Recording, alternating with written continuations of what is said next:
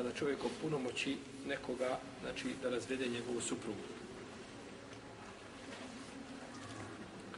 Talak je vraćao, znači, jezička stvar. Misli se da se talak izgovori jezikom. Pa u tom kontekstu on liči drugim ugovorima koji se sklapaju među ljudima. I uzvišen je Allah te barake o je čovjeka zadužio ili mu je dao to pravo, pravo znači razvoda supruge.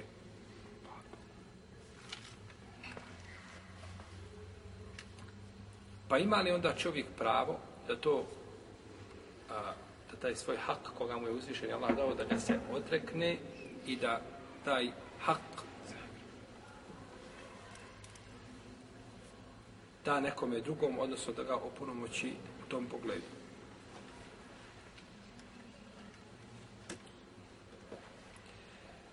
Islamski učenjaci po ome pitanju imaju dva mišljenja.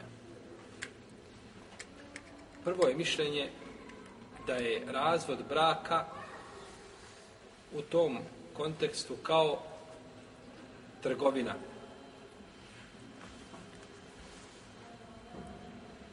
Ili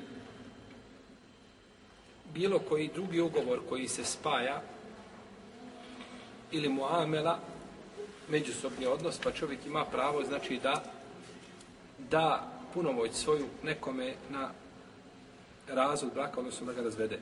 I ovo je stav imama četiri pravne škole. Znači, svi su složeni, četiri pravne škole su složene, da može čovjek opunomoći nekoga da ga razvede. Pa kada bi čovjek rekao, drugom čovjeku ili suprugu kada bi rekao nekome imaš pravo da razvedeš moju suprugu i on je razveo, takav znači razvod bi bio validan. Jer mu je dao pravo koje je uzvišen Allah te barak je oteala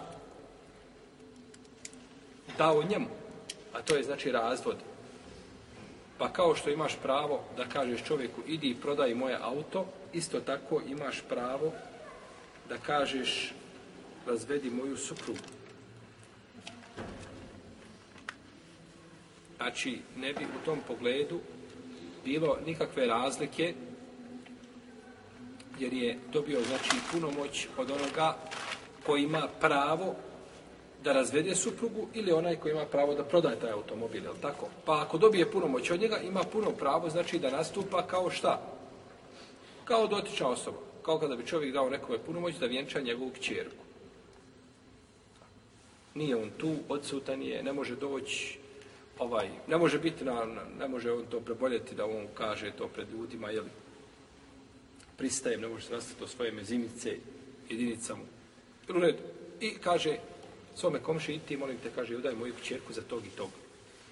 I da mu puno moći tom pogledu. Jer on ima pravo, znači, da je uda i vrijedi svako onaj kome on da svoju, jel, puno moći. Pa je to kao trgovina ili kao iznajmljivanje i slično tome, ili što je došlo u šarijetu, da čovjek može, a ovaj, da čovjek može, čovjek kada prodaje svoju kuću, može nekoga ponumići da proda kuću, ove, ove, tome se najviše raduje ko? Agencije za nekretnine, je tako?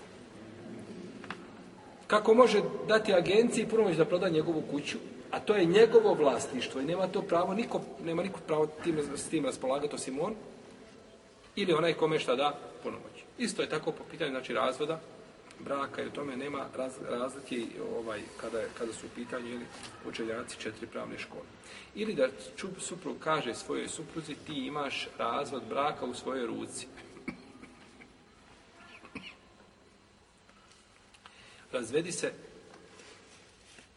i ona kaže u redu razvela sam se, ja sam razvedena u tom pogledu ona nije na manjoj deređi od koga od čovjeka stranca koji je razveo može li stranac razvesti ako da punomoć šta smo kazali, čovjek stranac da punomoć i razvede pa ako on ima pravo da razvede njegovu suprugu, onda ona nije na, manjem, na manjoj deređi od njega I ona ima pravo da znači da razvede, budući da je dobila punomoć od svoga jeli, supruga.